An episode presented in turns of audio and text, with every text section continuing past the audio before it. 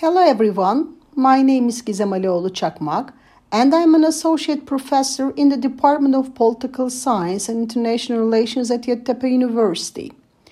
I'm the instructor of the course 360 entitled Turkish Foreign Policy.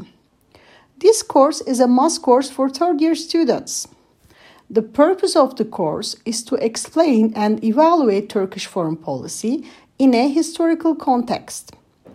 We are planning to enable students to learn fundamental aspects of Turkish foreign policy. In the very first two weeks, we will be focusing on the main factors affecting Turkish foreign policy, such as cultural, historical, strategic, and national dynamics.